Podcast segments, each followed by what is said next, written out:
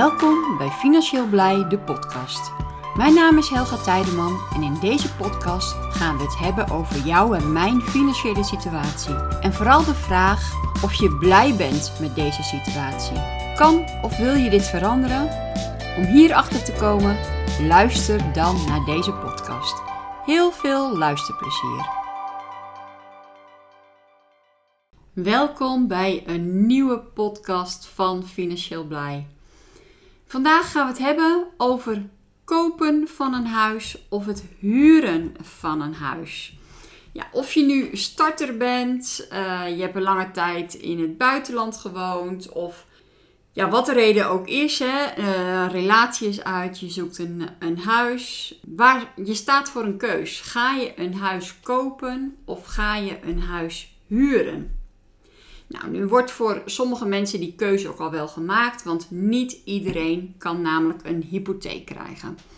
Als jij naar de bank gaat om een hypotheek aan te vragen, dan uh, zitten daar wel wat voorwaarden aan. En niet iedereen kan een hypotheek krijgen. Nou, als jij naar de bank gaat om een hypotheek aan te vragen, dan, uh, dan zitten daar een paar criteria's aan. Ze kijken bijvoorbeeld naar je inkomen. Ten eerste, je moet voldoende inkomen hebben om je maandelijkse hypotheeklasten te kunnen betalen. De bank kijkt naar je bruto inkomen en naar de hoogte van de hypotheek die je nodig hebt en of je dit wel kan aflossen en deze hypotheeklasten wel zou kunnen dragen. Daarnaast kijken ze ook nog naar een arbeidscontract, want de banken willen gewoon zekerheid hebben dat jij, op de, dat jij gedurende de looptijd van de hypotheek in staat bent om je maandelijkse hypotheeklasten te blijven betalen. En daarom wordt er gekeken naar het aard van het arbeidscontract en, het duur en de duur daarvan. De bank kijkt ook of je wel kredietwaardig bent.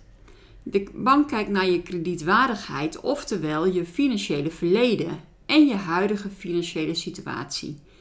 Dit omvat onder meer bijvoorbeeld je betaalgedrag van je rekeningen en eventueel schulden die je hebt. Daarnaast eist de bank ook nog dat je een eigen vermogen hebt. Banken willen zien dat je zelf voldoende financiële middelen hebt om bijvoorbeeld een deel van de woning zelf te kunnen financieren. Vaak wordt er gevraagd om een bepaalde hoeveelheid eigen vermogen in te brengen, een, aantal, een, een bepaald percentage. Uh, bijvoorbeeld in de vorm van, uh, van spaargeld wat je hebt. Daarnaast kijken ze natuurlijk ook nog naar de woning die jij wil gaan kopen. Heeft eh, deze woning waarde genoeg en is deze, ook, deze waarde ook hoog genoeg om jouw, om jouw hypotheek te dekken? Hè? Zodat jouw woning in principe als onderpand gebruikt kan worden voor jouw hypotheek. Dus het is ook maar zo hè, dat niet maar zo iedereen een hypotheek kan krijgen die keus wordt dan al wel voor jou gemaakt. Als jij geen hypotheek kan krijgen, als jij geen hypotheek kan krijgen, dan is de optie kopen of huren eigenlijk al heel snel voor jou uh, beslist. Nou, het voordelen van het kopen van een huis is, uh, nou, je, je bouwt een vermogen op. In de vorm van stenen natuurlijk, in plaats van huur te betalen betaal jij je hypotheek af. Vaak wordt er ook een stukje afgelost van je hypotheek. En op die manier bouw je langzaam aan aan jouw vermogen. Uh, je hebt meer vrijheid en controle over je huis, wat je ermee gaat doen.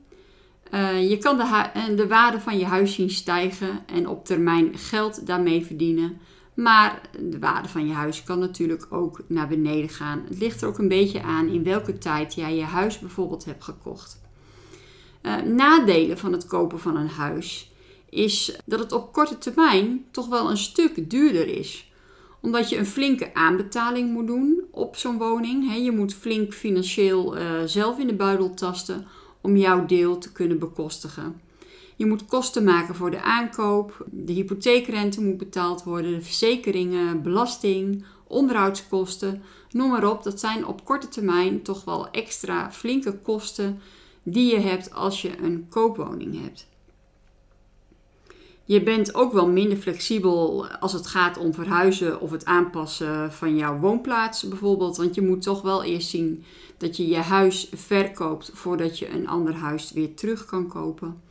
In de meeste gevallen. En je draagt alle risico's van het bezitten van een huis, zoals alle reparaties en onderhoud. Gaat er iets stuk aan je woning, moet je dit zelf vervangen of dit zelf bekostigen dat dit vervangen wordt.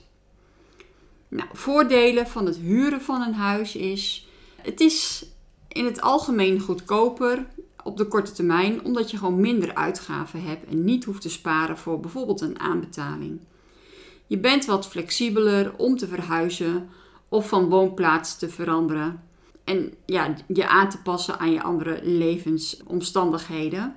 Alhoewel ehm, de huizenmarkt op dit, qua uh, op dit moment qua huren is vrij lastig. Dus heb je eenmaal een woning, uh, wees daar vaak dan maar blij mee. Want een andere woning heb je vaak niet maar zo weer terug. En je bent ook niet verantwoordelijk voor reparaties en onderhoudskosten aan de woning. Er zijn ook wel wat nadelen aan een huurwoning. Is, um, ja, je betaalt iedere maand huur zonder dat je eigenlijk bouwt aan een eigen vermogen. Je hebt minder vrijheid en controle over wat je met je huis uh, gedaan wordt en wat, uh, wat je ermee kan doen.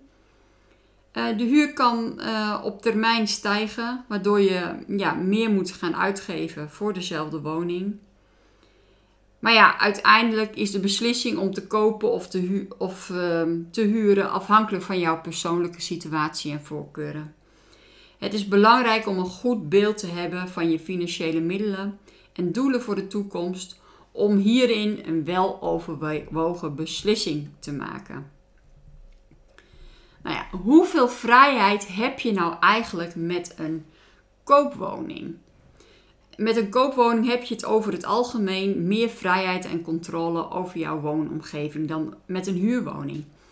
Enkele voorbeelden van uh, vrijheid die je hebt met een koopwoning zijn bijvoorbeeld het verbouwen en het aanpassen van de woning.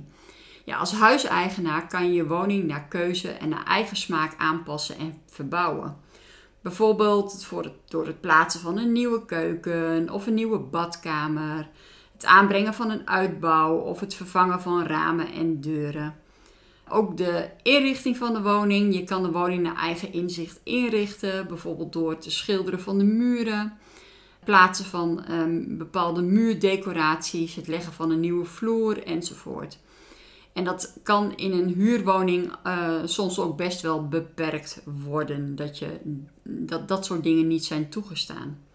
Huisdieren. Als huiseigenaar heb je meestal meer vrijheid om huisdieren te houden, terwijl bij het huren van een woning vaak beperkingen gelden. En vooral als je via particulier uh, een woning huurt, is het toch vaak uh, dat huisdieren niet worden toegestaan. Tuinieren. Als huiseigenaar kun je je tuin naar eigen smaak inrichten en beheren. Uh, bijvoorbeeld door, door het aanleggen van uh, de tuin uh, met bomen, met bakken, met bestrating, wat dan ook. Qua huurhuis moet je daar vaak weer toestemming hebben van de verhuurder. Um, huur je via een woningbouwvereniging is het vaak wat makkelijker. En, maar huur je bijvoorbeeld particulier een huis, dan moet je vaak meer in overleg wat er wel of niet mogelijk is. Nou, onderhoud van de woning. Als uh, huiseigenaar ben je zelf verantwoordelijk voor de onderhoud van de woning. Maar dit geeft ook de vrijheid om zelf te bepalen welke reparaties en wanneer je de reparaties gaat doen. En die je aan de woning wil uitvoeren.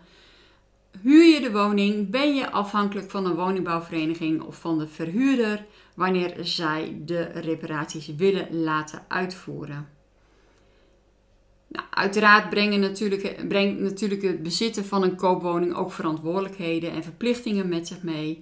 Zoals ja, je hypotheeklasten en het uitvoeren van regelmatig onderhoud en reparaties. Ook om de waarde van de woning op peil te houden. Maar over het algemeen heb je als huiseigenaar meer vrijheid en controle over je woonomgeving dan bijvoorbeeld iemand in een huurhuis.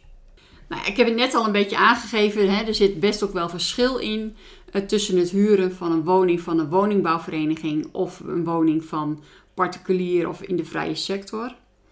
Een woningbouwvereniging is een non-profit organisatie die sociale huurwoningen aanbiedt aan mensen met een vaak wat lager inkomen.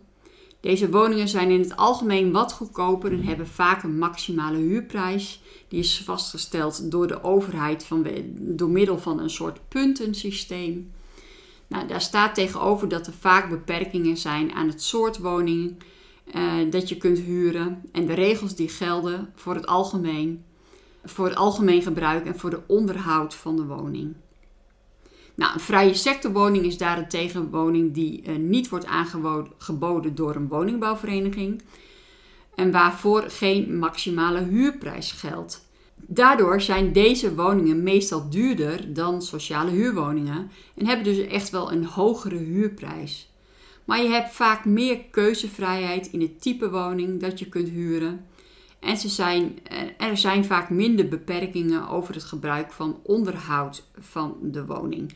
Dat verschilt nogal eens, want het ligt er ook aan op voor welke termijn je bijvoorbeeld een woning huurt of ja, wat de verhuurder daar aan eisen aan heeft. Huur je voor een kortere periode een woning, wordt er vaak gezegd, het wordt gestoffeerd aangeleverd en dat dien je zo te houden. Heb je voor een onbepaalde tijd de woning te huur of uh, je huurt de woning voor een onbepaalde tijd, zijn ze daar vaak wat soepeler in. Nou, over het algemeen geldt dat het huren van een woning van een woningbouwvereniging voordeliger is, terwijl het huren in de vrije sector meer keuzevrijheid, flexibiliteit uh, biedt. En het is belangrijk om te kijken uh, ja, naar jouw eigen financiële situatie en ook naar jouw woonwensen om te bepalen uh, welke optie dan ook het beste bij jou past. Is het een huis in de vrije sector of is het een huis via woningbouwvereniging? Ook daarin zijn verschrikkelijke grote wachtlijsten en er is zo'n tekort aan woningen dat je ja, daar vaak ook een hele lange tijd overheen gaat. Als je een woning koopt, dan uh, zit er een bepaalde waarde aan de woning. Maar hoe zit het nou eigenlijk met de waardevastheid van een woning? je investeert in een stukje, wat mensen zeggen ook, je investeert in een stukje uh, toekomst. Um, je hypotheek uh, is op een gegeven moment afgelost. Uh, je betaalt geen hypotheekrente meer en je hebt de hypotheek afgelost na een x aantal jaren. Hoe zit het dan nog met de waarde van de woning? En is die woning ook een beetje waardevast? Nou ja, de waarde van een woning wordt beïnvloed door verschillende factoren, hè, zoals bijvoorbeeld de locatie, de staat van onderhoud, de grootte van de woning en de vraag en aanbod op de huizenmarkt. We hebben natuurlijk net een periode achter de rug dat huizen niet voor de vraagprijs werden verkocht. Nee, de vraagprijs was eigenlijk een bieden van afprijs. En er werd gewoon royaal overboden om uiteindelijk die woning maar te kunnen kopen. En woningen stonden ook niet heel erg lang te koop. Maar uh, vanuit het verleden kennen we ook een periode dat uh, woningen weken, maanden, zo dan niet jarenlang te koop stonden. En dat bijna niemand meer het huis, een huis kocht. En dat de vraagprijs ja, eigenlijk een prijs was van ja, je kan wel vragen, maar ik bied gewoon veel minder. En ja, vaak heb je dat bod dan maar te accepteren, want anders raak je je huis niet kwijt. De markt verandert zoveel en zo snel vaak op dat gebied, dat je dat ook niet kan bepalen. Je weet niet of je huis over 30 jaar hoeveel, of over, nou, je kan vaak inschatten dat je huis over 30 jaar wat meer waard is. Maar je weet niet het huis wat je nu hebt gekocht, of dat over vijf jaar nog net zoveel waard is als nu. Je weet niet wat dan op dat moment de eh, vraag en aanbod is op de huizenmarkt. Eh, als de economie goed draait, dan is er veel vraag naar woningen. En zal de waarde van de woning natuurlijk ook enorm stijgen. Maar als er bijvoorbeeld sprake is van uh, economische recessie, dan kan van de, kan de waarde van de woning juist heel erg dalen. Nou, als je een hypotheek afsluit, kan de waardevastheid van de woning van belang zijn, omdat de woning dient als onderpand voor deze ja, lening. Als de waarde van de woning daalt, kan het betekenen dat de bank eh, het risico loopt dat de lening niet volledig kan worden terugbetaald. En om dit risico te verminderen, stellen banken vaak een maximale hypotheek vast op basis van de waarde van de woning. En het is natuurlijk ook niet voor niks dat je nu een heel groot deel vaak ook zelf moet gaan financieren. En dat je dus niet meer 100% je woning kan financieren vanuit een hypotheek. Nou, het ligt natuurlijk helemaal aan jouw situatie. Of je nou uh, beter een huis kan huren of beter een huis kan kopen. De een weegt uh, misschien iets zwaarder dan de ander. Maar voor, bij de een weegt het persoonlijk weer iets zwaarder dan de ander. En het is niet zo dat huren of, of kopen, een van de twee, beter is dan de ander. Het ligt dus echt aan een persoonlijke situatie. Wat het voor jou geldt, moet je voor jezelf uitmaken. Nou ja, de conclusie: kopen of huren, wat is nu beter? Nou, dat is niet zo zwart-wit te zeggen en het verschilt natuurlijk per persoon.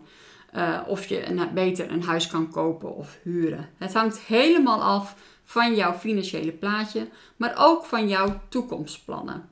Ben je alleenstaande en uh, heb, ben je nog niet gesetteld? Uh, wil je nog eventueel gaan samenwonen, een gezin gaan stichten? wil je nog van baan veranderen? Noem maar op welke situatie ook voor jou geldend is. Maak daar een overweging in of voor jou het verstandiger is om een huis te kopen of een huis te huren. Bedankt voor het luisteren naar deze podcast en tot een volgende keer. Bedankt voor het luisteren naar deze podcast. Laat even weten wat je van deze podcast vond door een reactie achter te laten. Dit kan onder andere op Instagram en je kan ons daar vinden onder financieel-blij. Waardeer je deze podcast, laat dan een positieve review achter. Wil je op de hoogte blijven van de activiteiten van Financieel Blij? Schrijf je dan in op onze nieuwsbrief. Financieelblij.com nieuwsbrief. Volg ons ook op ons YouTube kanaal Financieel Blij. Daar laat ik iedere maandagochtend en donderdagavond zien hoe je geld kan verdienen met crypto. Bedankt voor het luisteren en tot de volgende podcast.